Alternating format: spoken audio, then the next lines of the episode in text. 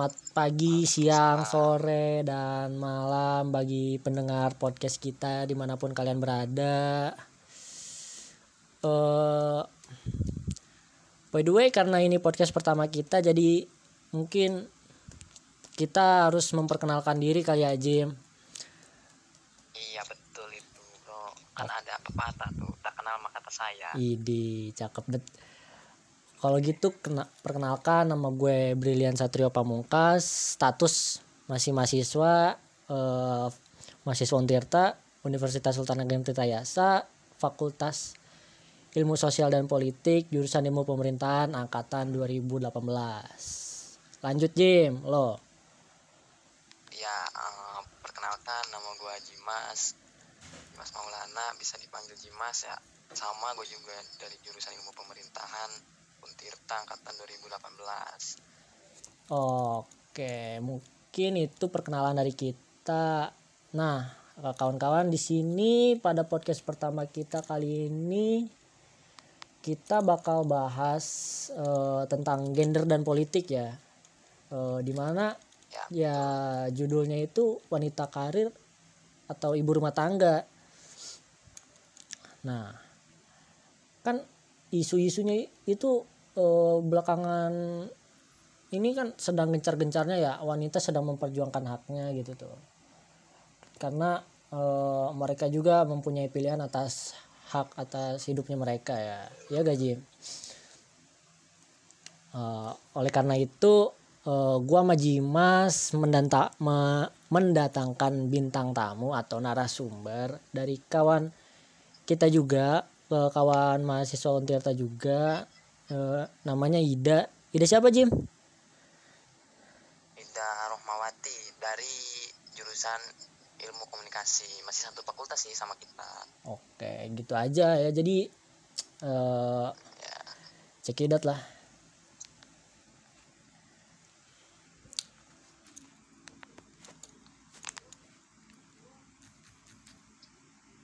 Oke, diskusi yang bagus banget nih tentang kesetaraan gender sebenarnya. ya. Kesetaraan gender ataupun isu feminisme itu selalu digembor-gemborkan. Sampai sekarang, padahal kasusnya itu dia dari abad 18 ketika dunia industri itu sedang gencar-gencarnya.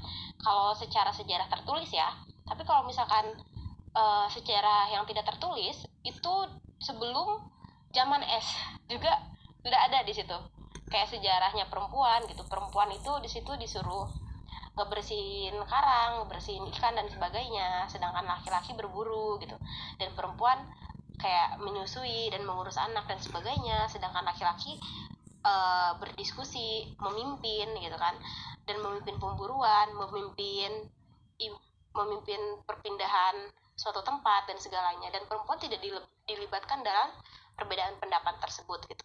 Itu sejarah dari dulu ketika zaman es muncul lagi sebagai sejarah yang tertulis yang mungkin hampir semua feminis membaca ini bahwasannya feminis itu digencar-gencarkan ketika terjadinya revolusi industri di Eropa Barat. Di sinilah gerakan feminisme itu lahir secara tertulis ya. Secara tertulis dan juga memang digembor-gemborkan dan ini menjadi salah satu rujukan sejarah feminisme bagi feminis eh, entah itu di Indonesia maupun di dunia gitu apa sih yang mereka perjuangkan dan apa yang mereka inginkan dalam kesetaraan itu tidak lain terlibatnya kaum perempuan dalam gerakan sosial, gerakan politik, ideologi dan juga ekonomi gitu. Dan kenapa sih perempuan itu haknya harus dibela banget? Kenapa harus ada feminisme? Kenapa nggak ada yang namanya maskulinisme itu gimana gitu? Nah, di sini eh, saya jawab ya. Dari sejarah pun sebenarnya kita udah ngelihat nih bahwasannya dunia memandang perempuan itu sebagai makhluk yang lemah gitu. Entah itu dari segi fisik maupun mental. Maka kayaknya nggak cocok nih kalau misalkan perempuan itu jadi pimpinan politik misalnya jadi orang-orang yang penting di dalam eh, sebuah organisasi industri dan juga lembaga gitu. Karena melihat kelemahan dari fisik perempuan itu. Padahal ketika kita melihat kecerdasan cara kebijakan seorang perempuan itu banyak membuktikan dari beberapa negara kan eh, yang pemimpinnya perempuan bahkan bisa mengatasi covid dengan cepat. Ya nggak? Di Selandia Baru. Perdana menterinya siapa tuh? Eh, Jessica Ardern perdana menteri Selandia Baru udah gitu presiden Taiwan juga Jerman. Mereka kan adalah pemimpin-pemimpin negara yang perempuan secara gender. Tapi mereka bisa mengatasi kasus covid secara cepat dibanding mayoritas negara yang pemimpinnya itu laki-laki mohon maaf. Tapi di sini ternyata bisa dibuktikan bahwasannya kepemimpinan perempuan maupun kepemimpinan laki-laki itu tidak dipengaruhi dengan adanya gender di sini. Perempuan apa laki-laki tapi dengan kebijakan dan bagaimana mereka menangani kasus-kasus tertentu di situ. Jadi bisa digaris bawahi ya sebenarnya uh, perempuan ini bisa gitu untuk setara dengan laki-laki. Tadi kan uh, sudah dijelaskan ya mengenai sejarah gender sejarah feminisme dan ada pula tadi studi kasus yang mengenai pemimpin-pemimpin perempuan atau perempuan berkarir. Nah, nah eh, jika Ida dibenturkan dengan dua pilihan mengenai eh, menjadi ibu rumah tangga atau wanita karir. Nah, Ida itu mau pilih yang mana atau ke oh, gitu? dua-duanya gitu? atau salah satunya? Wah, oke okay, oke. Okay. Um, bagus nih bagus bagus. Tapi ingat gak kata Najwa Sihab? Ketika perempuan bisa dua-duanya, kenapa harus memilih? antara karir dan juga ibu rumah tangga. Tapi teman-teman, ketika di dalam feminisme, dalam gender, ini mungkin adalah pergelutan ya, peperangan antara individu itu sendiri, antara perempuan itu sendiri dengan dirinya. Ketika dia menentukan untuk menjadi ibu rumah tangga ataupun ibu karir, i seorang perempuan karir, maksudnya maaf. Karena kalau misalkan dia jadi ibu rumah tangga nih yang fokus terhadap suaminya dan anaknya, kemungkinan besar dia juga memiliki hasrat dong di dalam dirinya. Misalkan untuk jadi CEO sebuah perusahaan, untuk jadi sekretaris uh, perusahaan ternama Google atau Microsoft misal, atau ingin jadi anggota DPR, pimpinan negara atau menteri kan bisa jadi. Tapi karena ada anak-anak yang dia rasa dia harus ngurusin itu gitu. Dia rasa harus mendidik anaknya dengan benar dan ada suami yang pulang dan dia harus mengayomi suaminya maka mungkin hasrat itu tuh akan turun gitu. Untuk menjadi uh, seorang ibu yang berfokus terhadap anak-anaknya gitu. Dan tidak terlalu jadinya ego untuk hasrat ini melemah gitu. Padahal kemungkinan besarnya si perempuan ini adalah orang yang mumpuni untuk memimpin suatu negara misalkan. Atau orang yang mumpuni untuk memulihkan uh, kendala ekonomi dalam suatu perusahaan gitu. Tapi ketika dia melihat kewajiban dia sebagai seorang perempuan ya kan kewajiban dong karena emang stereotip negara kita seperti itu hari ini. Kewajiban seorang ibu mendidik anak kewajiban seorang ibu mengayomi suami gitu. Kewajiban uh, seorang ibu beres-beres misal atau dapur kasur dapur kasur gitu kan membuat seorang perempuan itu jadi oh gitu. Emang tugas saya seharusnya kayak gini gitu. Tapi teman-teman um, perlu diketahui juga kalau misalkan perempuan karir misal oke okay, saya ini berkarir nih saya hebat gitu saya bisa jadi pimpinan dunia gitu saya bisa jadi uh, ketua jurnalis misalkan dan sebagainya di suatu lembaga kemungkinan besar juga dia memikirkan nih anak saya nanti di rumah sama siapa? Nanti ketika suami saya pulang uh, yang mengayomi suami saya siapa? Nanti yang masak siapa? Apa beli aja? Tapi kan kalau beli aja kayaknya nggak ada kemesraan gitu tuh di dalamnya tiap hari beli gitu kan? Dan anaknya mungkin ketika saya kerja dan memilih karir nanti anak saya siapa yang ngurus? Kayak gitu. Jadi kayak perempuan karir ataupun ibu rumah tangga sebenarnya itu adalah hak prioritas perempuan itu sendiri. Cuman ketika disuruh memilih ini benar-benar pilihan yang berat gitu. Tapi secara gender kalau misalkan secara gender perempuan bisa keduanya. Tapi kita juga harus paham gitu. Bukan cuman perempuan itu yang hidup ketika dia sudah menjadi seorang ibu tapi dia punya keluarga kecil yaitu suaminya dan juga anaknya. Dan di situ adalah menjadi pilihan perempuan tersebut gitu untuk menjadi ibu rumah tangga maupun ibu karir. Dan ketika perempuan itu memilih keduanya maka perempuan itu jelas harus mengetahui gitu bagaimana tanggung jawabnya dan apa yang akan dia lakukan ke depannya. Kayak gitu. Kenapa? Agar um, keberimbangan uh, dalam kehidupan itu stabil gitu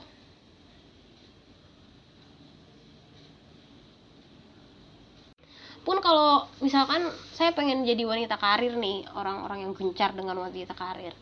Ya kan nggak apa-apa jadi wanita karir boleh-boleh aja kali. Lagian kan kalau misalkan saya melahirkan ada di situ untuk diistirahatkan. Kan di dalam undang-undang omnibus law kan kemarin disahkan satu bulan setengah tuh diistirahatkan di rumah untuk wanita hamil ih untuk wanita melahirkan juga udah gitu satu hari atau dua hari ketika pertama haid uh, dan juga menyusui kan udah disahkan juga kan kemarin.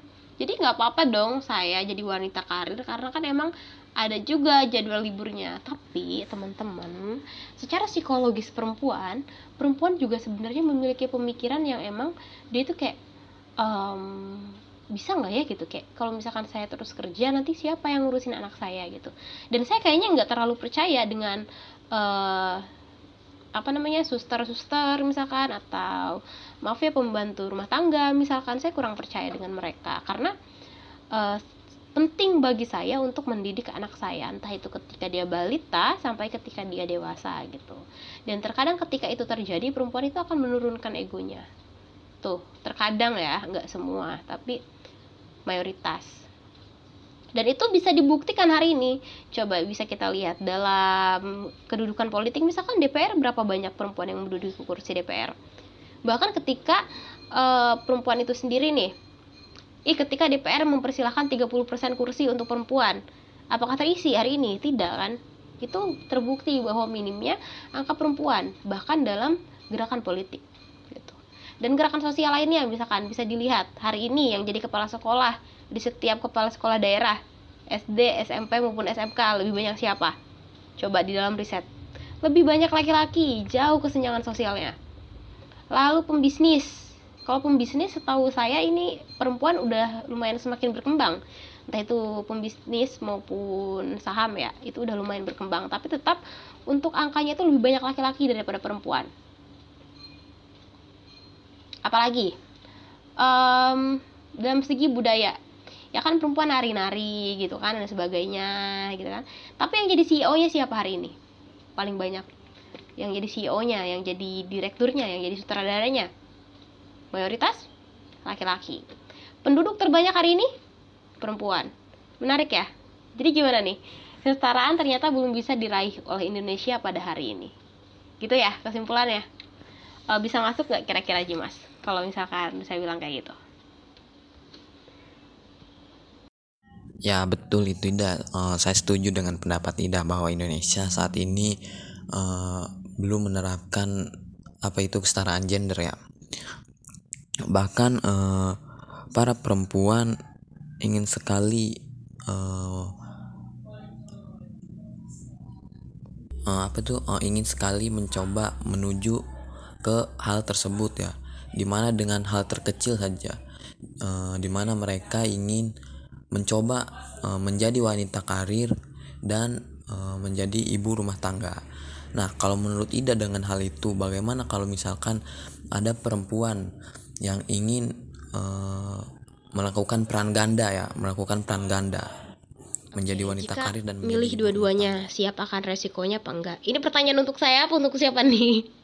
Karena saya egois ya saya jawab aja langsung kalau misalkan seorang perempuan itu sudah berumah tangga dia sudah memiliki suami apalagi sudah memiliki anak itu alangkah baiknya untuk hal karir juga itu didiskusikan dulu dengan suami. Karena memang menurut ajaran Islam pun seperti itu.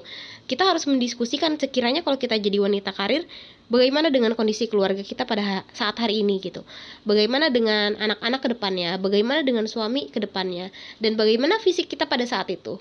Yang mengetahui segala hal uh, dalam kehidupan kita terutama dalam pemilihan ini untuk kerja sekaligus menjadi ibu rumah tangga itu adalah si perempuan tersebut dan juga suaminya. Kayak gitu. Karena mereka kan yang akan menentukan ke mana arah e, rumah tangga mereka berlayar gitu tuh. Ketika suaminya mengizinkan untuk menjadi wanita karir ya silahkan gitu. Tapi itu juga harus dipertimbangkan oleh si perempuannya. Kira-kira kalau saya jadi perempuan karir yang misalkan um, guru itu akan menyita waktu saya banget nggak ya? Kalau misalkan saya meninggalkan anak saya gitu. Atau misalkan kekhawatiran untuk suaminya nanti jadi tiba-tiba kesel karena nggak terayomi dengan baik misalkan. Itu harus dipikirkan kembali. Jadi setelah mendapatkan uh, persetujuan dari suami itu harus dipikirkan tuh. Kayak gimana kira-kira ke depannya ketika saya memilih untuk menjadi ibu rumah tangga sekaligus menjadi seorang wanita karir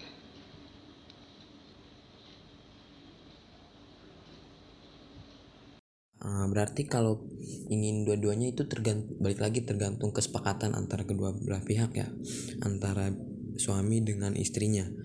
Nah saat ini kan eh, masih banyak tuh budaya-budaya seperti pandangan-pandangan mengenai perempuan eh, harusnya cuma tugasnya di kasur sumur gitu kan dan sebagainya.